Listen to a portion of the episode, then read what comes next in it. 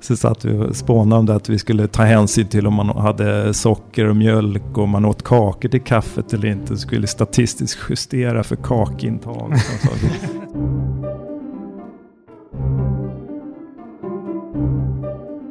För vart år som går blir svenskarna fetare och allt fler drabbas av diabetes eller hjärt och kärlsjukdomar. Det här är en av vår tids stora folkhälsoproblem och Ulf Riserus, docent i klinisk nutrition vid Uppsala universitet, gör allt han kan för att bromsa den här epidemin. Med sin forskning om fettsyror, fetma och hjärt och kärlsjukdomar går han i bräschen för ett friskare Sverige. Dessutom recenserar han vår lunch. Du lyssnar på avsnitt nummer sju av Forskarpodden som görs för Uppsala universitet av mig, Jonas Lövenberg och min kollega Niklas Norén.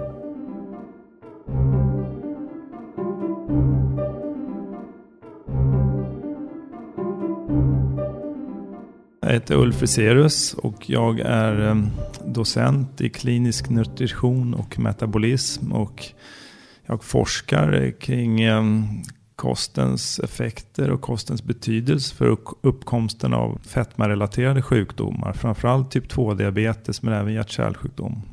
Framförallt så är jag intresserad av hur olika typer av fettsyror påverkar de här sjukdomarna och om man kan då med kosten i stort men även då de här olika fettsyrorna kan påverka och kanske förebygga då de här sjukdomarna. Vad är nyttan med din forskning då? I mitt fall är det ju lite enklare. Det är inte alltid det, det är lätt att se en, en, en, tydlig nytta direkt. Utan den kan ju komma många år eller decennier senare eh, inom många forskningsfält. Men det är ju att förhoppningsvis kan det leda till förbättrade sätt att förebygga typ 2-diabetes, hjärt-kärlsjukdom och kanske även behandla de här sjukdomarna på ett bättre sätt, mer effektivt sätt. Om vi säger så här, på, skulle man eh, kunna säga att om det går bra för dig så kan vi förbättra folkhälsan? Ja, förhoppningsvis. ja, okay. jo, men i bästa fall är det, det, är ett, det är ett mål att, att det ska hjälpa människor, inte bara forska på saker som jag själv tycker är jättespännande och jätteroligt. För det är en viktig drivkraft. Ja. Tycker man någonting är kul, oavsett vad det är, så blir man ofta bra på det. Och så det, kan ja. det gynna eh, i slutändan då samhället förhoppningsvis. Var kommer du ifrån i Sverige? Var är, din, var är du uppväxt? Jag är uppvuxen i Stockholm. Jag är född i ett stenkast från Stockholms stadion eh, i Liljanskogen, där på gamla BB. Uppvuxen i, i Nacka.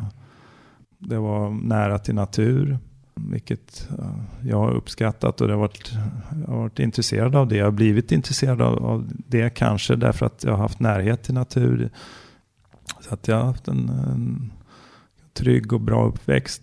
Och sen uh, har jag bott i Stockholms innerstad de sista 20 åren. Trevligt för dig. Ja, ja det är trevligt. Nu har jag precis ja. flyttat uh, ja. ut från stan. Alltså det känns okay. det annorlunda. Ja. Tillbaks till Nacka. Ja, Du, kommer du från en akademisk familj eller? Ja, det gör jag. Det har säkert påverkat mig och det har varit helt naturligt att man ska utbilda sig vidare och, och så. Så det, det, det, har säkert påverkat. Kan du berätta om liksom det första intresset för, för vetenskap och sådär? När det dök upp? Har, vet du det? Ja, jag tror att det kan vara ett läger var det i högstadiet. Jag tror att det var sjuan, som var 12-13 år, något sånt. Det var eh, ett läger på en, vecka tror jag, som handlade om just livsstil och framförallt om rökning. Att man ska motverka att eh, ungdomar börjar röka och droger. Där kommer jag ihåg att här var det någonting som jag tyckte var väldigt spännande, att man kan eh, göra så mycket. För där var det föreläsningar om, om, som handlade om, om hur människokroppen påverkas av olika saker. Och uh, ja, jag blev fascinerad och tyckte wow, här, här finns det saker som är, som är spännande och som man, kan, också som man kan göra själv för att motverka det här. Kan du komma ihåg det som, vad var det i de här föreläsningarna i det här lägret som kan man säga, eh, fascinerade dig?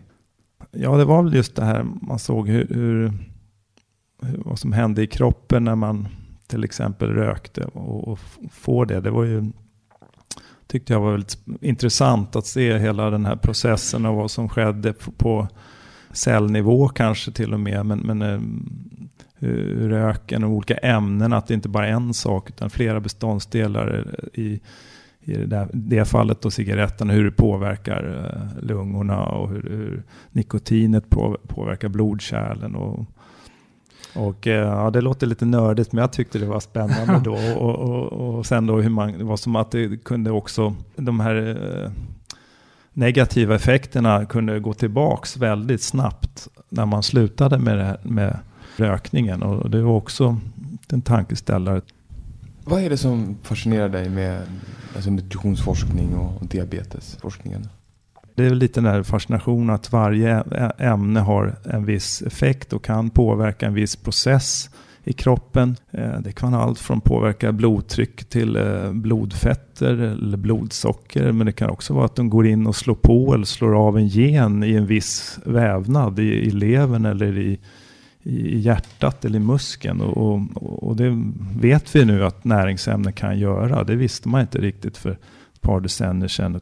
Någonting som jag tänker du är expert på och som alla har men man kanske inte alltid riktigt vet vad det är. Jag tänker på fett. Mm. Om vi börjar den änden, vad är fett? Det är kolkedjor enkelt sagt.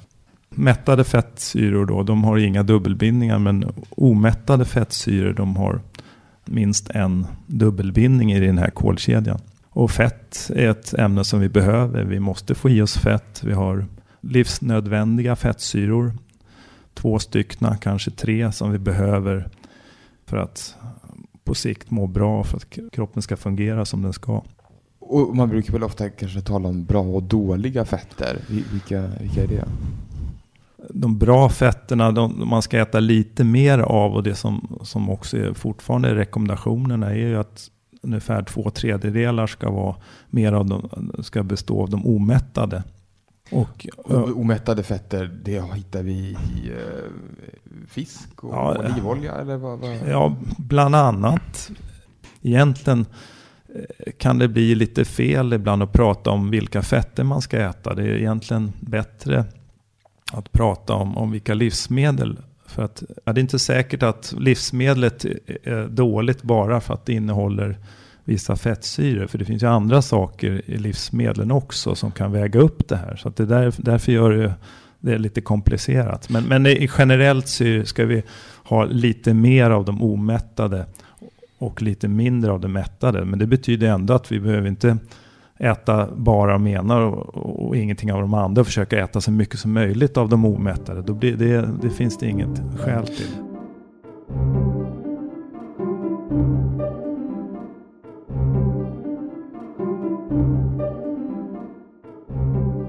Du jobbar ju med, med kost och mat, så att jag och Jonas, eh, vi har tagit med oss lite mat. Ja. Eh, så vi tänkte att du skulle kunna få, få utvärdera och eh, det här kan man väl säga är, jag vet inte, vad åt du till lunch idag?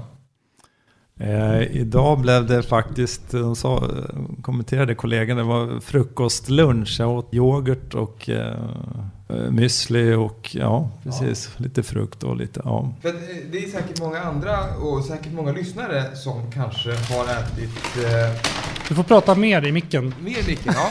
Ska vi se här. Och de Många lyssnare, och nu har den glidit runt lite här, men som kanske har ätit sushi. Kan ju också ha ätit på till exempel McDonalds. vi har med oss en, en cheeseburgare och pommes Så. Och det är det som luktar så himla gott. Och sist men inte minst. Vi har med oss en pastasallad från en sån här salladsbar som Jonas tycker är jätteäcklig. Ja, eh, Ni vet som finns på ICA. Jag tycker inte att den är så otäck. jag vet, det är mest bara för att jag jobbar i butik en gång. Mm. Ah, jaha, okej. Okay.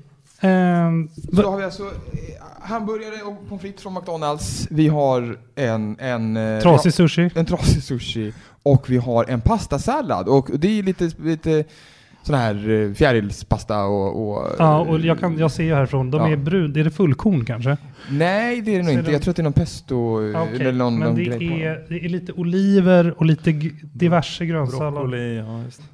De här produkterna Ulf, vad, vad tänker du, är det om, om du ska på något sätt gradera de här, vad, vad är, eh, vad är bäst? Sushin och pastasalladen är väl, är väl eh, bäst. Båda är nog ganska likvärdiga ska jag säga. Om man, och den här pommes fritesen med cheeseburgaren. Ja, just den här pommes fritesen är ju ingen höjdare. Om, om den hade tagit bort pommes fritesen så hamburgaren där i sig eh, kan funka. Det behöver inte vara så illa där. Men, men Va, vad Ja. är det med pommes fritesen som är så dåligt då?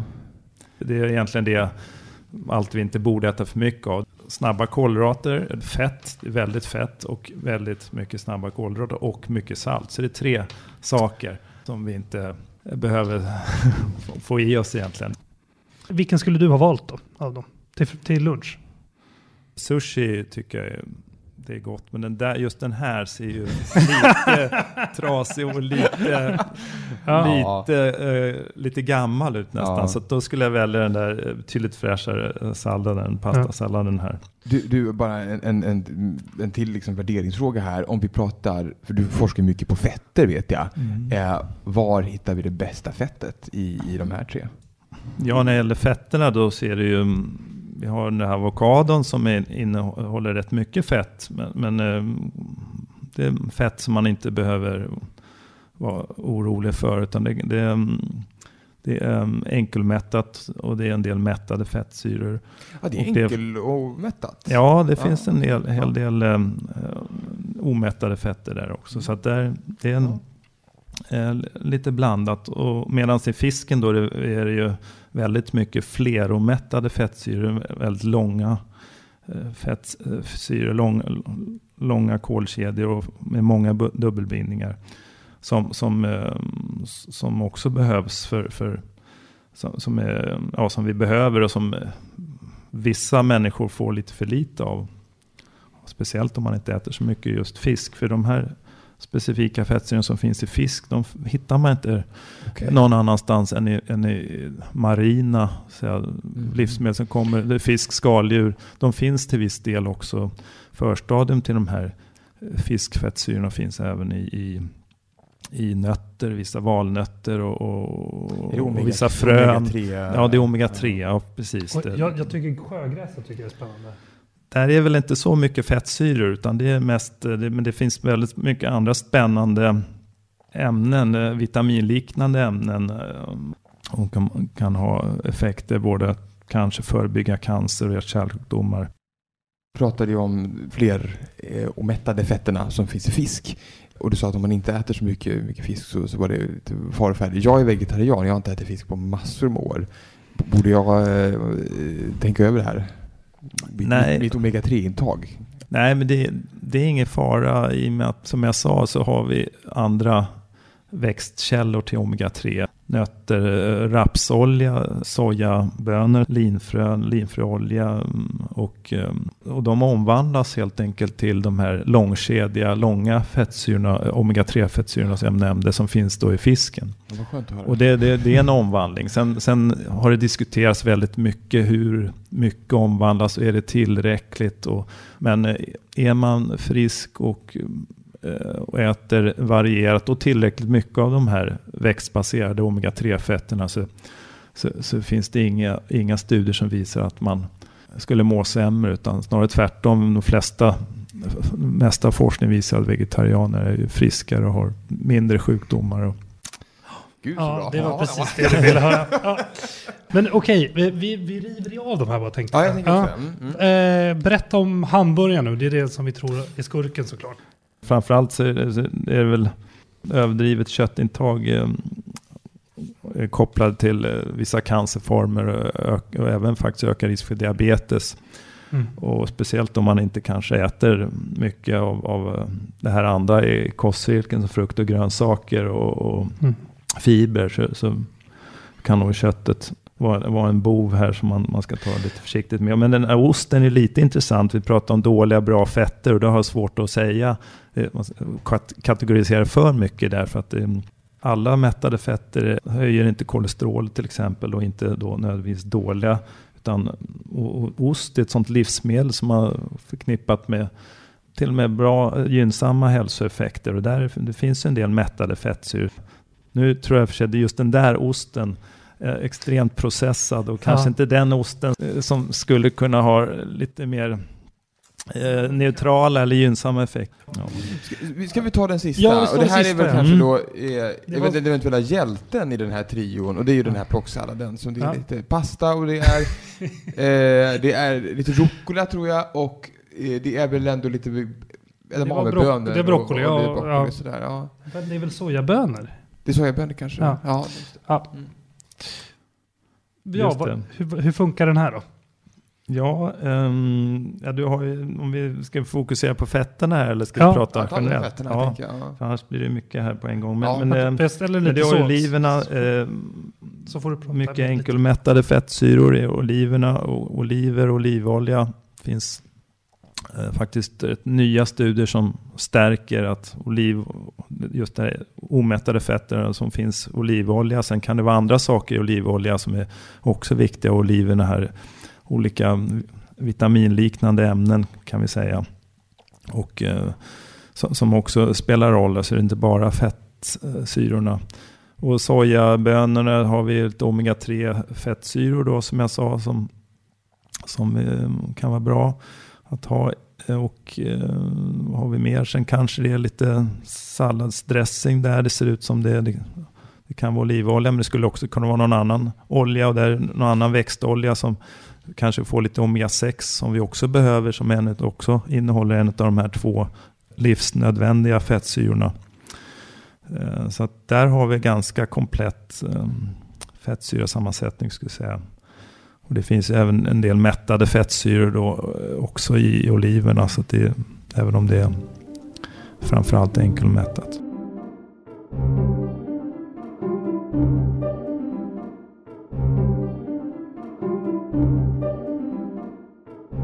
Hur mår Sverige? Hur mår svenskarna? Det är väl lite polariserat som, som det ser ut överallt i världen egentligen. Att en del mår väldigt bra och, och en del mår mindre bra. Det, har, det, det, mm, det, finns olika samhällsklasser där, där, vi, där det finns stora problem och som äter sämre, som, som har eh, sämre livsstil generellt.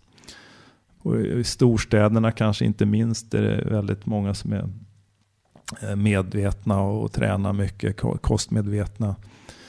Men generellt så är det, är det fortfarande det är nästan omkring 15 procent av, av hela Sveriges befolkning har fetma. Och hur hänger det ihop då med de här de, eh, två stora sjukdomarna som du ju ägnar dig åt, diabetes och eh, hjärt-kärlsjukdomar? Ja, fetma och, och, diabetes går ju hand i hand. Det är en mm. väldigt stark koppling. Och, och, så att det är nästan omöjligt att, eh, att inte forska på fetma, om man, i varje fall om man forskar på typ 2-diabetes som, som jag håller på med. Då. Mm. Och, så, så, att kan man förebygga att människor går upp i vikt och framförallt vad man samlar eh, på sig överskottskalorierna, om man ansamlar i, på magen eller i magen, i buken eller i levern. Så, så, så, om man kan påverka det så kan det ha stor betydelse och man kan minska andelen människor som blir överviktiga och får fetma så kan man minska eh, drastiskt antalet människor som får diabetes. Så det är, och, och, hur gör man det här då? Det här är ett samhällsproblem som, som, som är väldigt komplext och eh, det är svårt att säga men det, det här gäller det att, att jobba på många nivåer. Nu är jag lite på ute på hal is. Det finns ju andra som jobbar med de här frågorna. Jag forskar ju mer om vad som händer i kroppen och olika... Mm, ja. Eh, men, men, eh, men, det är ju skolor, eh, bra mat i skolor, stimulera fysisk aktivitet, utbildning, utbilda alla människor som man åtminstone har en förutsättning och mm. kunskap. Lite som jag fick där i början. Ja. Sen kan man ju kasta bort det och tycka att det där tråkar. Men, men att man, man får vilken åtgärd skulle man kunna vidta för att den kunskapen du kommer fram till ska eh, komma till så stor nytta som möjligt då? Ja, alltså media har givetvis en viktig roll.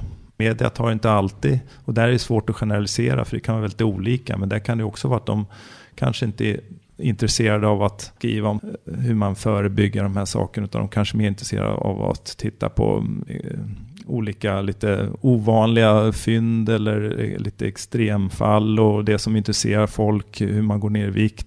Kan du bli liksom frustrerad över att se hur, hur många människor det är som på något sätt bara som verkligen tar för sig den här konsumtionen av mat som är så himla dålig för dem? Ja, det är klart att, att det kan vara frustrerande att se det. Att man, man tycker att människor borde veta bättre och det skrivs en del ändå en hel del om det här. Men, men det är ju det är så mycket annat som styr våra beteende. Det är inte bara, ja, man väljer inte bara det som kanske man har hört ska vara bäst, utan man, gör det som är, man vill göra det som är roligt, det som smakar bra, det som man har tid med. En tid är en faktor. Stress är en faktor som, som tyvärr saboterar ganska mycket skulle jag tro Eh, när det gäller livsstil. Man hinner inte träna, man prioriterar det jobb och, man, och det är familj och det är andra saker som gör att man kanske inte gör, gör de här hälsa, hälsosamma valen som man vet att man bör göra, men man gör det inte ändå informationen om vad du ska äta, den kan väl aldrig ha varit så lättillgänglig som idag? Den är ju en googling bort liksom. Jag tror att i vissa grupper så har ju medvetenheten och intresset för mat och vad man ska äta och livsstil har ju ökat.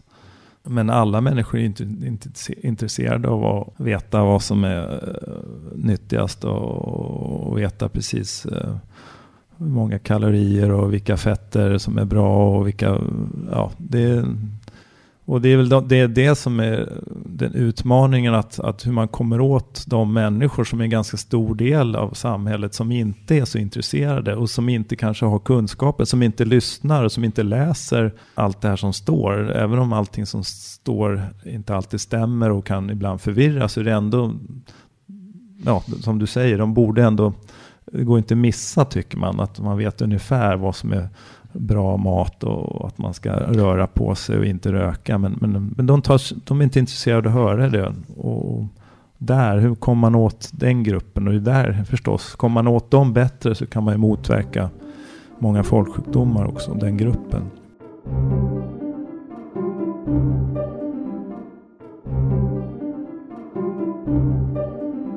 Hur går det till då eh, från ax till limpa i din forskning när du har ett projekt? Det börjar ju ofta med, om man tar ett projekt, ofta är det olika forskningsstudier eller forskningsprojekt som man håller på med parallellt. Men, men eh, man har ju en idé som man kan få när som helst. Eller det kan vara en idé, någonting som man har funderat på väldigt länge, många år. att Det här måste vi testa, det här är spännande, det här känner vi inte till. Det här är ingen som har undersökt. Det här är viktigt att ta reda på hur det ligger till. Eh, eller så är det någonting som poppar upp i fikarummet. Sådana exempel har vi också. Kan vi ta ett, ett exempel på eh, hur en sån här, jag tänker ett konkret exempel på hur en sån här studie kan funka? Det här var för 10-12 år sedan så satt jag och några forskarkompisar, vi doktorander då, så vi satt och funderade på det här med kaffe och vi hade läst en studie där man om man har sprutat in insulin, eller förlåt, koffein i en, i en ven mm. så får man blir man insulinresistent, man får en försämrad sockeromsättning i kroppen akut. På kort sikt så, ser man, så hade de sett det i den här studien och vi tänkte, att men det måste ju spela stor roll också om man gör någonting under lång tid och kanske lägre doser och det finns ju annat i kaffe så det vore kul att och studera det här. Då fanns det inte så många studier. Sen har det kommit en del studier på senare år. Då. Vi gör det. Vi, vi kan ju studera det här i, i vår eh, stora kohort. En, en stor befolkningsstudie som vi har i Uppsala där man har insamlad data. Där vi har eh, rapporterat, alla deltagarna har, har talat om hur mycket kaffe de dricker varje dag per dag. Och just kaffe är en ganska eh, bra variabel. De flesta vet ungefär hur mycket kaffe man dricker i snitt. Och då kunde vi titta på det här och vi gjorde, och tittade på sambanden mellan kaffeintag och insulinkänslighet och såg då att det, att det var faktiskt ju mer kaffe man rapporterat att man drack desto eh, bättre insulinkänslighet, alltså bättre sockeromsättningen hade man. Och det var vi i en väldigt fin tidskrift, JAMA, som är den amerikanska läkartidningen, som väldigt high impact. Och det var ju lite kul från en lite crazy idé, vi satt, äh, galen idé.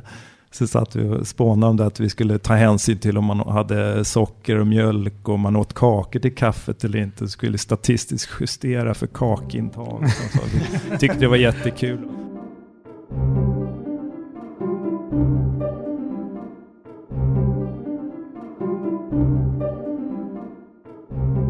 populärt senaste åren har varit exempelvis det som LCHF och 5.2 och sånt där. Vad tänker du om, om den typen av, av dieter?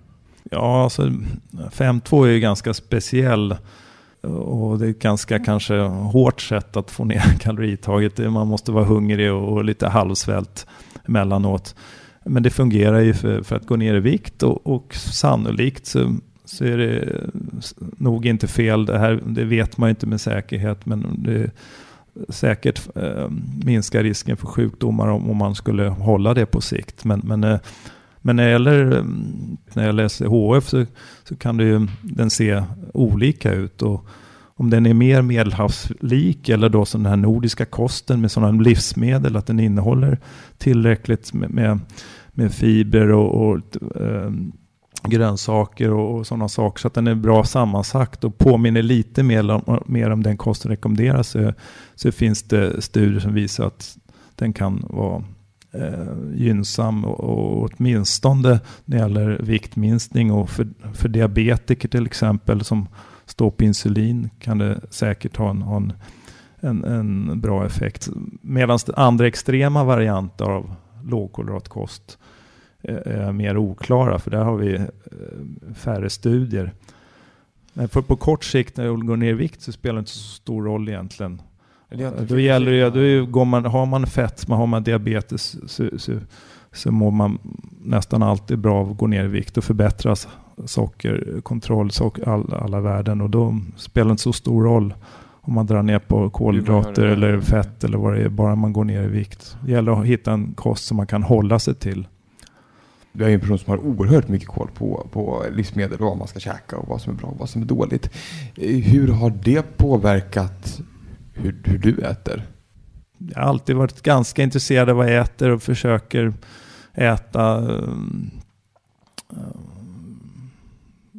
enligt forskningen och lite vad, vad, vad, vad, vad, som visas. Men, men det, är ingenting, det är inte så att jag, eh, jag ändrar mig hela tiden. Nu kommer en studie där, jag måste äta det, nu ändrar det där. Utan jag äter, försöker väl hålla mig rätt stabil och rätt balanserat. Så jag, några, några, extrema dieter eh, tror jag inte på i längden. Alltså. Men nu, nu är inte jag, jag har inte fetma eller diabetes. Jag är frisk och tränar. Då behöver man ingen diet egentligen. Finns det någon fettgen då? Som talar för att man ska bli? Man har ju letat efter diabetesgener och fetmagener under många, många år och, och årtionden och, och hittat ett par gener som spelar roll och som ökar risken. Men de förklarar fortfarande bara en liten del. Så det stora förklaringen är fortfarande och kommer eh, säkerligen vara så livsstilen som förklarar det, att man har en ökad risk eller en minskad risk att utveckla diabetes eller att bli, eh, bli fet. Vad är nästa stora steg inom din forskning då? Vi har flera eh, frågor som vi försöker besvara. Och lite en, en fråga är fortfarande förstås olika typer av fettsyror, olika mättade fettsyror som vi har sett nu, nu senare, helt nyligen, som kopplade till eh, insulinkänslighet och som kanske skulle kunna vara Eh, Eh, någon mätt, mättad fettsyra skulle kunna vara gynnsam då till skillnad från vissa andra som är, som är eh, tvärtom ogynnsamma. Så det där är något som vi skulle vilja titta mer på hur olika typer av mättade fettsyror påverkar eh, exempel sockeromsättningen. På samma sätt som olika typer av omättade fettsyror också eh, Eh, har olika effekter. Men att det, är fler fettsyror här som vi, vi, vi, vet för lite om som vi behöver studera helt enkelt. Så det är ett, ett steg att titta på, vidga oss lite när det gäller att studera olika fettsyror.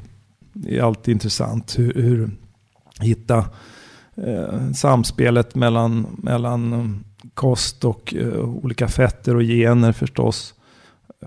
Är det möjligt att individanpassa olika koster eh, och i sådana fall eh, hur, hur, ska, vad ska det baseras på? Är det på genotyp, på kön? Men det finns många saker som, som, som har, spelar roll för hur man svarar på kost. Även om det kanske inte alltid är eh, så stor betydelse så är det ändå säkerligen så att det går att hitta eh, mer individanpassade kostvarianter och fettsammansättningar.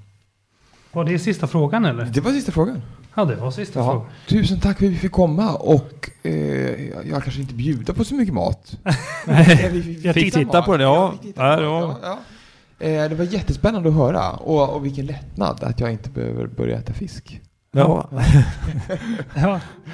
Ja, tack så jättemycket Ja, tack att vi fick komma. ja, tack själva. Kul att få prata. Ja. Ett roligt ämne. Ja.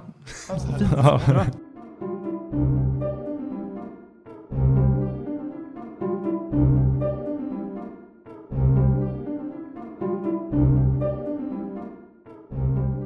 Det här var avsnitt sju av Forskarpodden med Ulf Riserus, docent i klinisk nutrition vid Uppsala universitet. Ja, och det var också första avsnittet av Forskarpodden med vår nya ljudteknik. Ja, det var det. Och Jonas, berätta lite om den.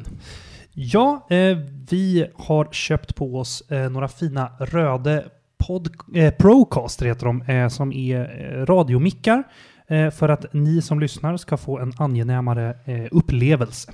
Och det, och det med andra ord innebär det att vi har med oss en liten studie som vi plockar, bort, plockar fram. Ja, precis. På Det går, forskarnas köksbord och var vi nu är någonstans. ja, och det går säkert att se på någon liten bild på, på Twitter eller på Instagram Ja, eller så absolut, ja. eh, av det här.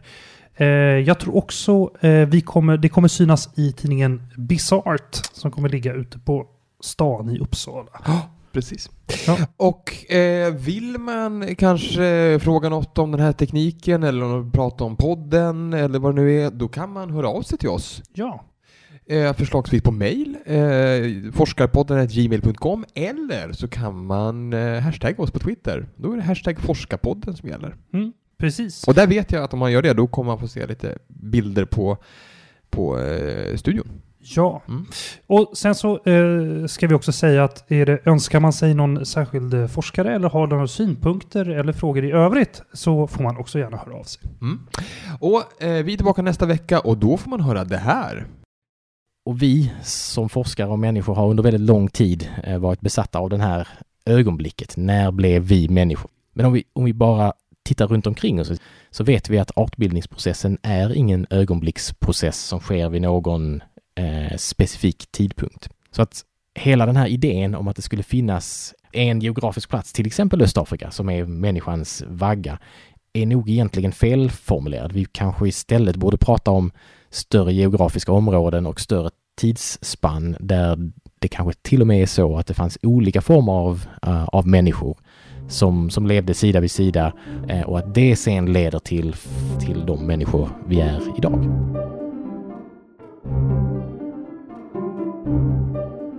Där hörde du Mattias Jakobsson, genetiker vid Uppsala universitet och världsledande inom populationsforskning. Eller med andra ord, han vet var du kom ifrån för länge, länge, länge sedan. Tills vi hörs igen. Hej!